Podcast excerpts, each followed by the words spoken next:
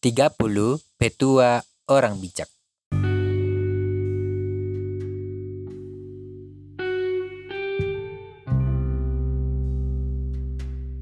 Amsal 23 ayat 1 sampai ayat yang ketiga berbunyi demikian. Bila engkau duduk makan dengan seorang pembesar, perhatikanlah baik-baik apa yang ada di depanmu. Taruhlah sebuah pisau pada lehermu bila besar nafsumu. Jangan ingin akan makanannya yang lesat, itu adalah idangan yang menipu. Ini merupakan petua keenam dari petua orang bijak. Yang mengajarkan kepada kita bahwa orang besar atau orang petinggi-petinggi atau bos biasanya itu mereka sering mengajak kita makan malam suatu restoran yang terkenal biasanya. Ketika kita sampai di sana, mereka biasa menyajikan makanan yang enak.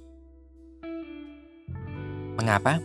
Karena dari cara kita makan, orang bisa lihat karakter jadi jangan sampai makanan itu cuma dijadikan tipu muslihat untuk kita.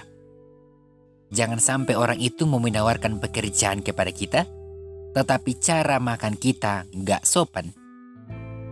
Maka pekerjaan itu tidak jadi diberikan kepada kita, dikasih orang lain.